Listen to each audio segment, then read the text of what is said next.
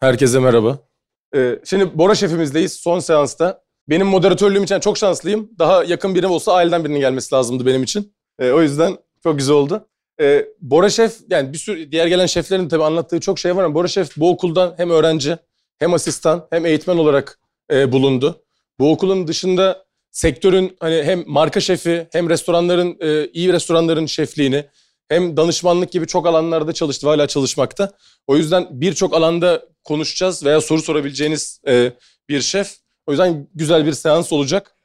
E, öncelikle kısa, Bora Şef'in bir demosu var bu arada. E, Nobu'dan, Nobu zamanında yaptığı. Ondan önce kısa da, kısaca bir e, Bora Şef'in hayatından çalıştığı yerler, MSA süreci, özellikle MSA stajı. Şu an staj için birazcık sizin gönlünüzü rahatlatmak için çok iyi olacak Bora Şef'in MSA stajını dinlemek.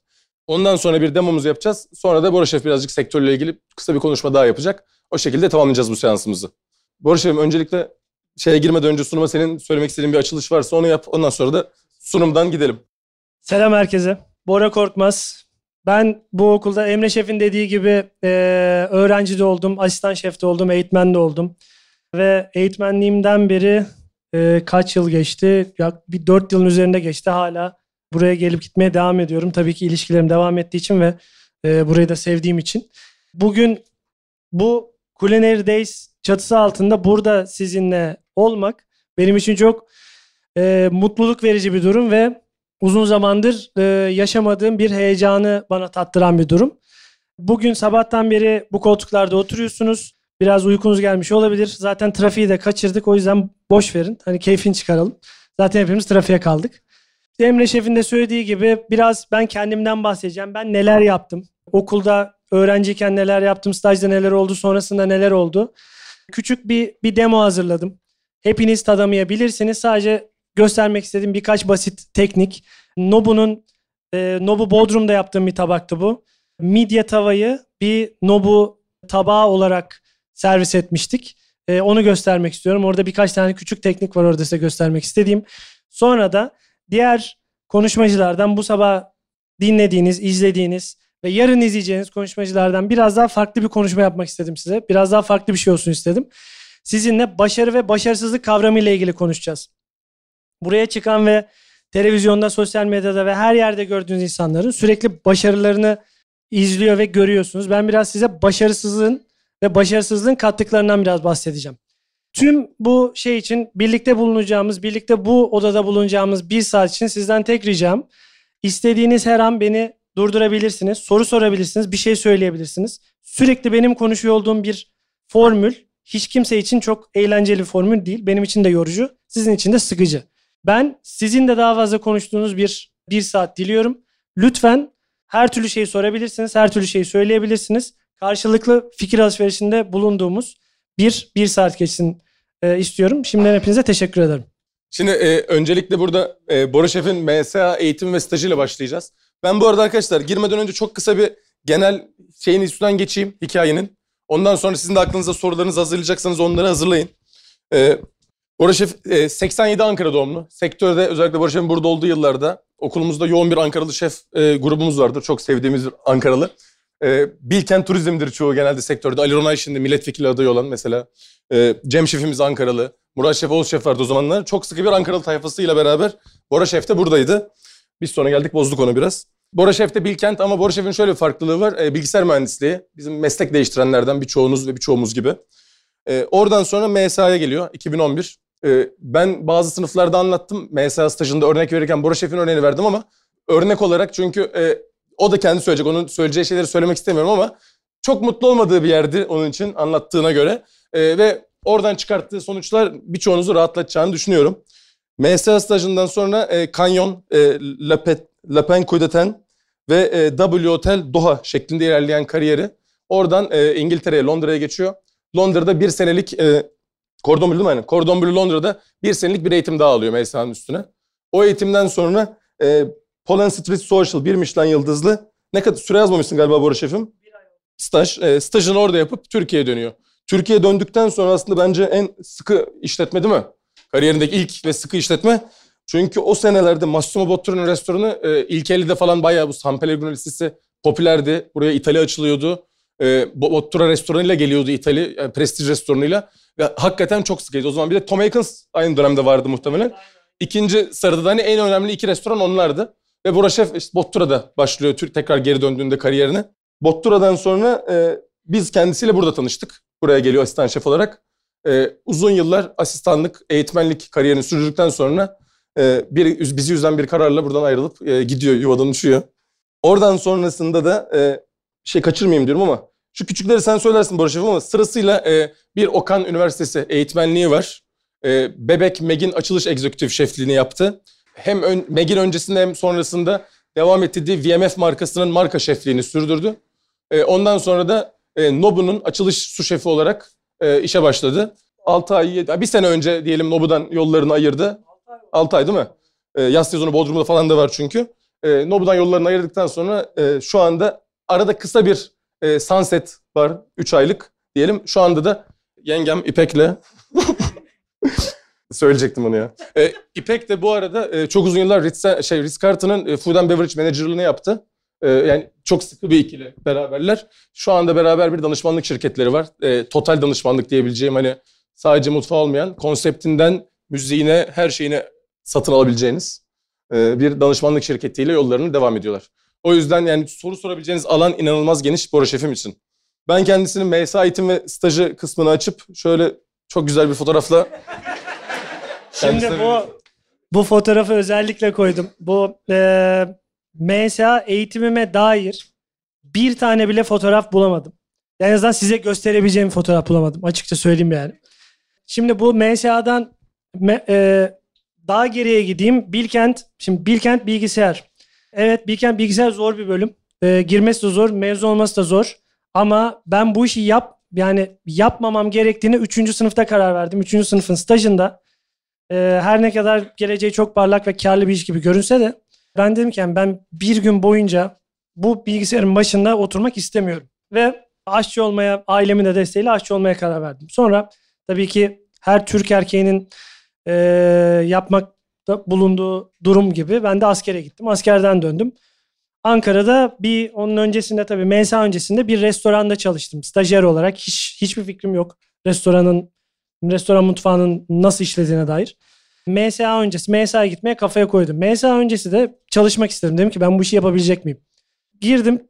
Yani beni aralarına kabul ettiler. Orada stajyer olarak girdim.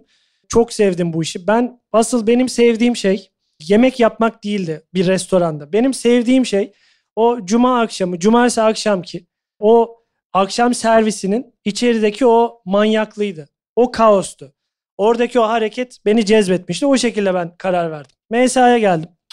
Ben e, 2011 mezunuyum. Benim okuduğum dönemde level 2, level 3 gibi ayrımlar yok. Sadece level 2 vardı. E, Chef and Owner mezunuyum. İşletmecilik eğitimi de aldım. Çok güzel bir eğitim aldım. Sonra stajımı da e, Mövenpick Otel'de yaptım. Şimdiki 4. Levent'te Sheraton Otel'in olduğu yerde Mövenpick Otel vardı. Mövenpick Otel'de yaptım. Özellikle otel stajı istedim restoran geçmişim olduğu için de. Bu da Alman konsolosluğunda bir özel bir yemek verildi. O özel yemekte de beni stajyer olmama rağmen bütün hot dog barbeküsünün barbeküsünden sorumlu yaptılar. Ben daha 2-3 ay önce mesleğe girmişim. Bütün o barbeküden sorumlu yaptılar. Sebebi de domuz sosisi servis ediyoruz ve kimse dokunmak istemiyor benim, benden başka. O yüzden ben, beni oraya verdiler. Ben de bütün gün orada hot dog yapmıştım. Ama e, stajım çok iyi geçti. Çok fazla şey öğrendim. İşte personel yemeğinde de durdum, alakartta da durdum, bankette de durdum. Burada gördüğünüz gibi döner de kestim mecburen. Çünkü döneri kesen usta hasta oldu. Rapor aldı. Ramazan bu e, Ramazan büfesinde döner yapılıyordu. Bana dediler ki "Dö- döneri sen keser misin? Ben dedim ki keserim ne olacak yani ne kadar zor olabilir. Zormuş. Yani ilk gün neredeyse bütün eti çöpe attık. Çok sağlam bir azar yedim şeften. Yani böyle dakikalarca azarladı beni. Ama ondan sonra dedik yani kesinlikle sen dokunmayacaksın. Hayır dedim ben keseceğim. Yani yarın da geleceğiz ben keseceğim. Hayır kesemezsin. Kesersin kes. Tamam dedim okey. Şef geldi başkasına verdi. Ben dedim ki ustaya usta dedim sen bana ver ben keseyim. Yok dedi ben azar yerim. Yok hayır. Ben girdim.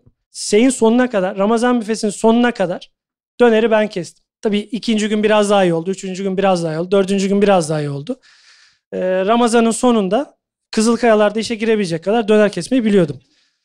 Yani bu şunu öğretti bana hani tamam patlatabilirsiniz. Elinizdeki bir işi de patlatabilirsiniz ama e, üzerinize üzerine gitmediğiniz sürece hiçbir şey olmaz. Yani sadece ben bütün döneri çöpe atmış bir insan olarak hayatıma devam ederdim ikinci gün kesmesem. E, stajla ilgili yani kafanızda eminim staj yeri belli olan var mı veya şimdiki şey nedir? E, gidişat nedir? Stajyerleri Daha belli değil. daha belli değil. Okey. Staj yeri staj yerinden çok birlikte çalışacağınız şef önemli onu söyleyeyim. Ee, ve sizin oradan ne almak istediğiniz ve ne almaya niyetli olduğunuz önemli. Siz bir şeyler almaya niyetli değilseniz hiç kimse size bir şey öğretmez. Stajyer zaten yani mesaiye girdiğiniz ilk hafta zaten size hiyerarşi anlatıldı. İşte head chef, su şefler, şefte partiler vesaire böyle hiyerarşi böyle iniyor. Siz zaten şuralardasınız. O yüzden sizin oradaki amacınız sizin bir- e, insanları tırmalayıp bir şeyler öğrenmeniz gerekiyor. Sizin birilerini push etmeniz gerekiyor. Sizin benim gibi oradaki şefleri ben şunu öğrenmek istiyorum, ben bunu öğrenmek istiyorum, bana şunu anlat, bunu anlat demesi lazım.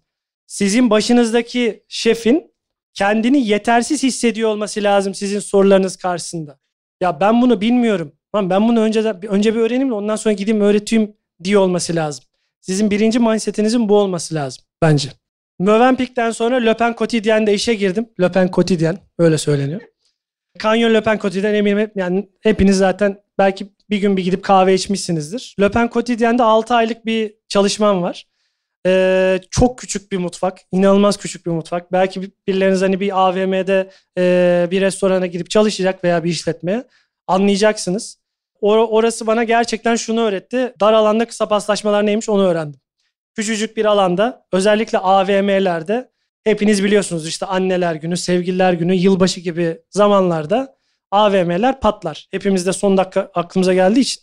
Yılbaşı günü o küçücük löpenin mutfağından 600 kişiye yemek servisi çıkardığımı biliyorum ve inanılmaz pestiliniz çıkıyor. Küçücük bir alan. Yani şu, şu kadar bir tezgahtan 600 kişiye yemek çıkarıyorsunuz. Biraz onu öğrendim. Marka standartları neymiş onu öğrendim. Çünkü dünyaca tanınan bir marka. Biraz onu öğrendim. Ondan sonra böyle bir fırsat geçti karşıma. W Doha Spice Market. Jean-Georges Von Gerichen'in kim olduğunu bilen var mı? Jean-Georges. Peki bilmenizi tavsiye ederim. Önemli biri. Bizim dünyamızın tanrılarından biri. Açık konuşayım. Jean-Georges'un Güneydoğu Asya Füzyon Restoranı Spice Market. İstanbul'da da vardı. Bir tane W Otel'in içerisindeydi. Ee, Beşiktaş'taki W Otel'in içerisindeydi fakat kapandı. Şu an New York, Londra ve Doha'da var. Doha'daki devam ediyor. Ben de Doha'dakinde çalışma fırsatı buldum. Otel tekrar bir otelin alakart mutfağına girmiş oldum. Burada buradaki bana kattığı hem W Otel'in o zamanlar Starwood grubunun içerisindeydi W Otel hem otel e, şeyi alıyorsunuz eğitimi hem de Spice Market'tan farklı bir e, vizyon kazanıyorsunuz. Spice Market'taki yemekler Güneydoğu Asya mutfağının e, Fransız ve Avrupa teknikleriyle uygulanmış biraz daha fine dining versiyonları. Burada zaten Asya mutfağını da çok sevdiğim için ve çok öğrenmek istediğim için benim için inanılmaz büyük bir fırsattı. O yüzden ben de hemen atladım ve atladım hiç çok da fazla araştırmadan Doha'ya gittim.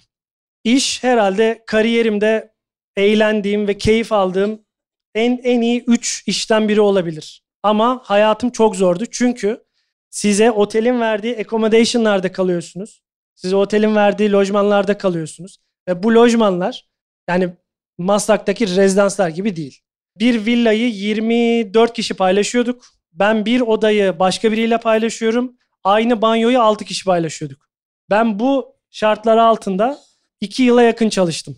Çünkü dedim ki yani 6. 6. ayda 6. ayda benim kafada bir şeyler, beynimde bir şeyler attı. Çok açık konuşayım. Dedim ki ben buradan gidiyorum. Böyle yaşanmaz. Ama ondan sonra kendi kendime dedim ki yani 6. ayda buradan gidersem birincisi fail etmiş olacağım. Kariyerimle ilgili ve kendimle ilgili fail etmiş olacağım. İkincisi 6. ayda buradan kaçarsam bundan sonra gittiğim ve başvurduğum hiçbir yer beni dikkate almayacak. Umurunda olmayacak. Ve bana şunu soracaklar. Niye 6. ayda ayrıldın? O yüzden sabrettim ve 2 yıla yakın burada devam ettim. Bu bizim mutfağımız. Spice Market'ın mutfağı. İçerideki mutfak çalışanı olarak tek Avrupalı bendim. Geri kalan herkes Filipinli, Endonezyalı, Sri Lankalı, Afrikalı. 80 milletten insan var. Biz 26 kişi çalışıyorduk mutfakta. Ee, restoran günde ortalama 350 ile 450 arası cover yapıyordu. Fine dining bir e, Southeast Asian restoranı. Büyük bir rakam. Her cuma sabahı brunch veriliyor. Brunch zaten her hafta full çekiyor. Ben ızgara şefi olarak çalışıyordum. Burada ben burada komi olarak başladım. Komi olarak da bitirdim. Otelde şunu anladım. İşler herhangi bir alakart restoranda olduğu gibi çok hızlı işlemiyor. Özellikle yükselmek, pozisyon almak maalesef bu kadar hızlı işlemiyor.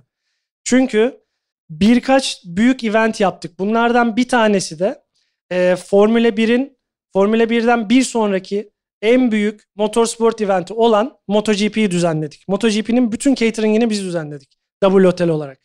İki yıl üst üste bana VIP çadırının tüm sorumluluğunu verdiler. VIP çadırının bütün sorumluluğu biraz zor ve riskli bir iş ve fail olabilecek çok fazla şey var. Burada benim buradan ayrılmam gerektiğini ve daha farklı bir noktaya gitmem gerektirdiğini e, bana anlatan nokta VIP çadırda ben komi olarak bütün çadırdan sorumluyum. Benim altımda şefto partiler vardı. Ben onlara ne yapmaları gerektiğini anlatıyordum.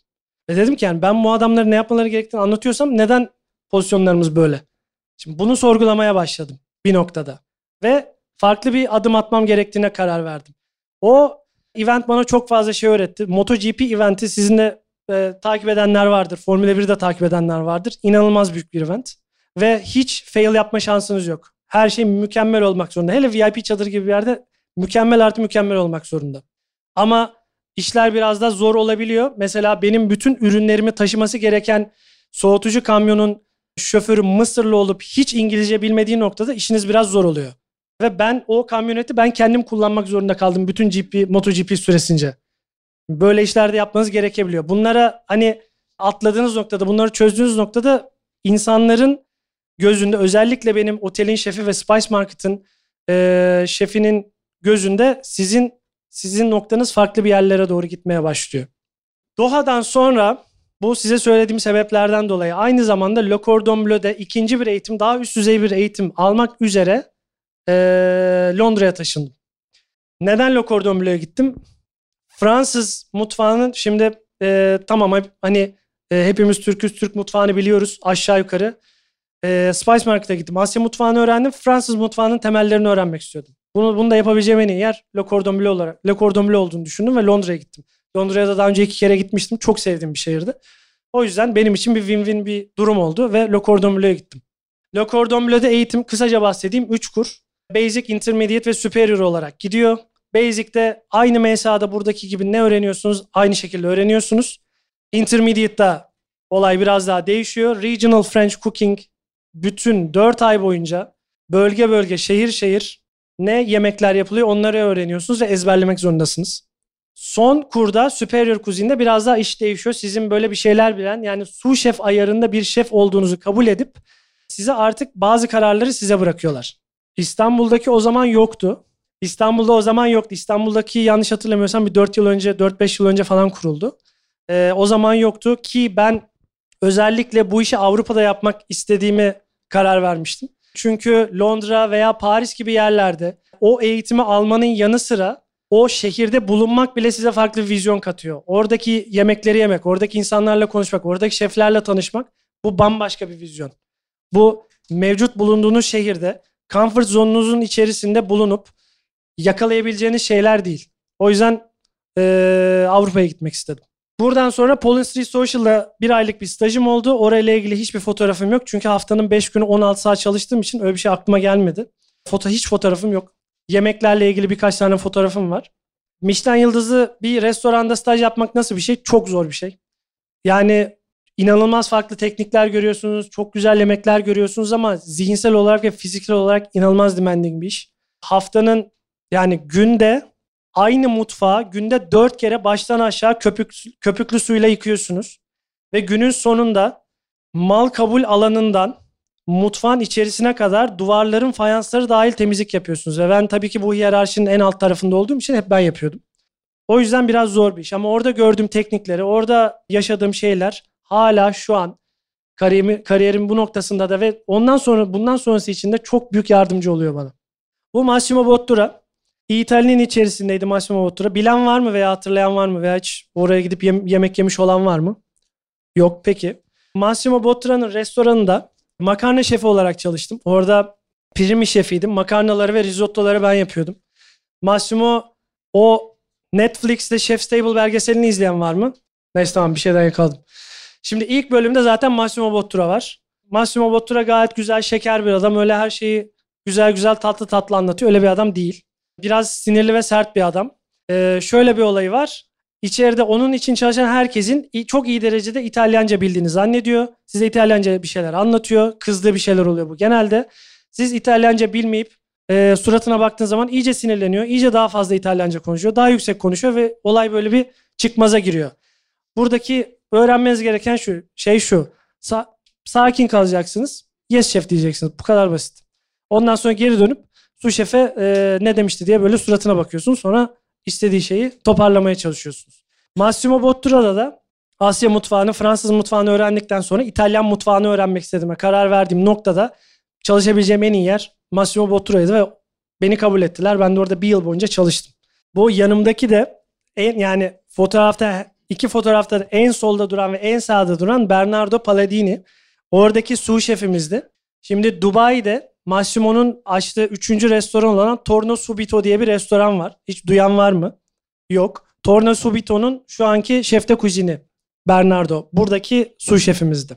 Massimo'dan sonra bu arada Massimo, Massimo Bottura'dan önce orada benim biyografimde yazmıyor ama Massimo Bottura'dan önce Londra'dan döndükten sonra çok kısa bir benim bir su şef e, deneyimim var.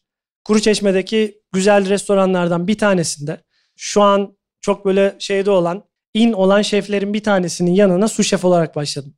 3 hafta sürdü bu deneyimim. Ama bana o 3 haftalık deneyim çok fazla şey öğretti. Dedim ki hazır değilmişim su şefliğe.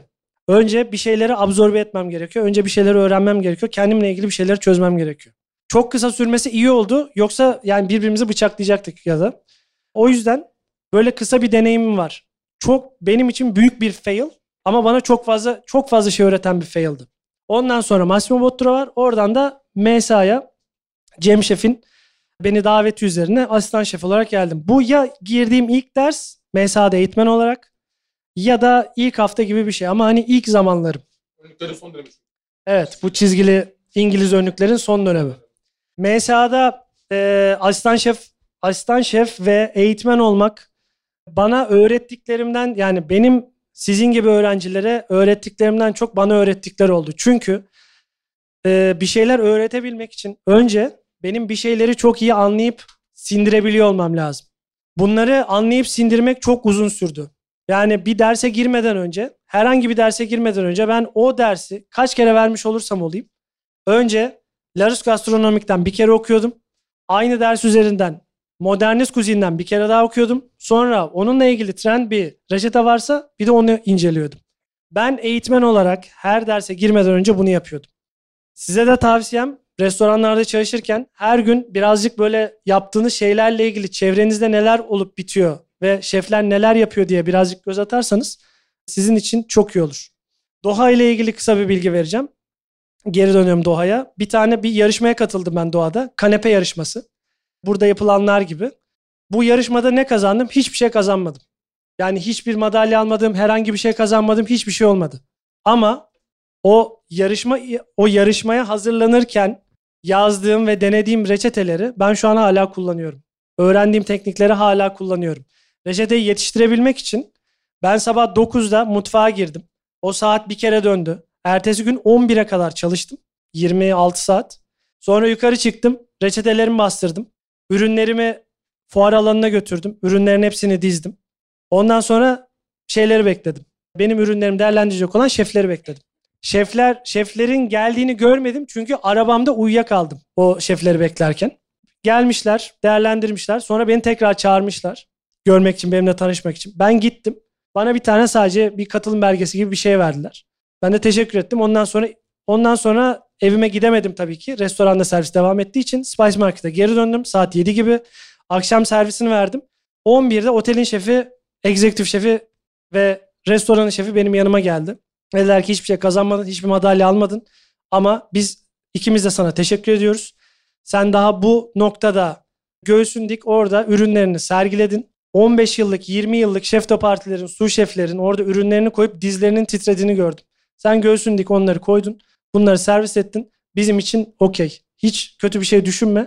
Bu teknikleri, reçeteleri ileride kariyerinin her noktasına taşıyabileceksin. O yüzden hiç üzüleceğim bir şey yok dediler.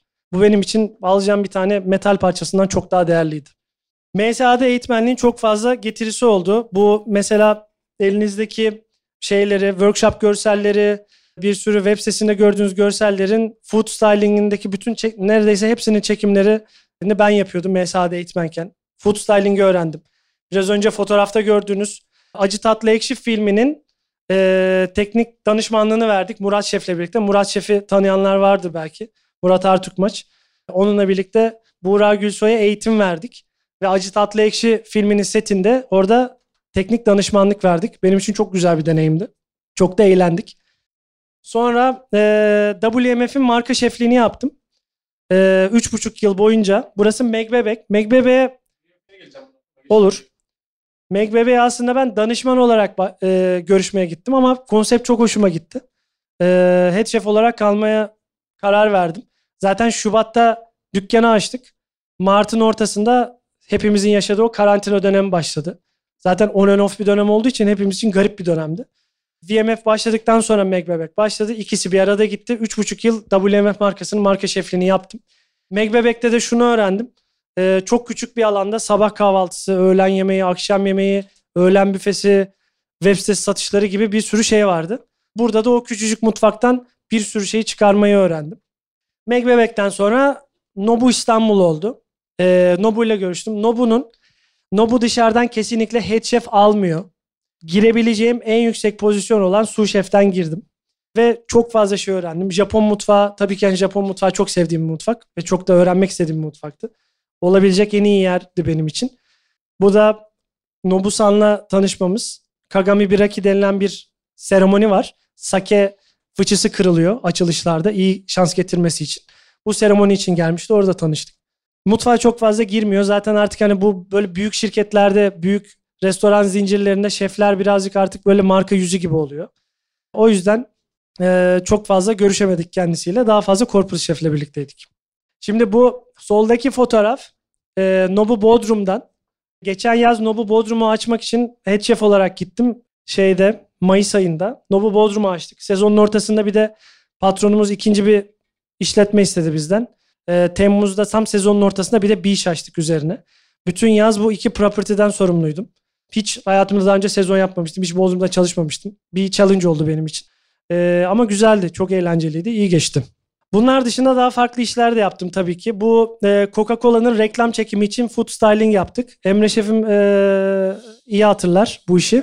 E, elimdeki de elimdekini hatırlıyor musun? Evet, Molakaya. Dört farklı ülkede gösterilecek olan e, Mısır, Pakistan, ne, neresi vardı? Dubai, İ, Pakistan, Mısır. Bir yer daha vardı. Lübnan öyle bir şey. Hindistan. Dört tane ülkede gösterecek olan Coca-Cola reklam filminin food stylingini yaptık. Ee, Emre Şef'im de sağ olsun bana orada destek oldu çıldırmadan. Ee, bu da oradan bir kare.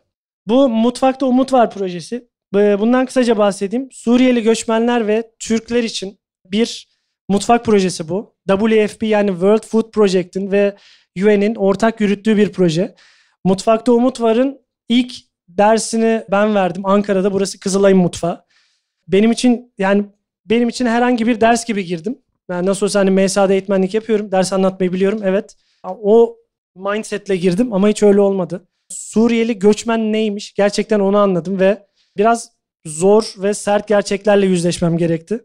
Gerçeklik de şu, o insanlarla bizim aramızdaki tek fark sadece bir tane e, politik anlaşmazlık. Bu kadar basit. Onların anlattığı hikayeler, orada bulunduğu konumlar, buraya geldikleri noktalar o kadar böyle bana sert bir tokat gibi çarptı ki biraz benim için zor bir dersti. Hayatım yani hayatıma girdiğim en zor derslerden biriydi ama çok keyif aldım.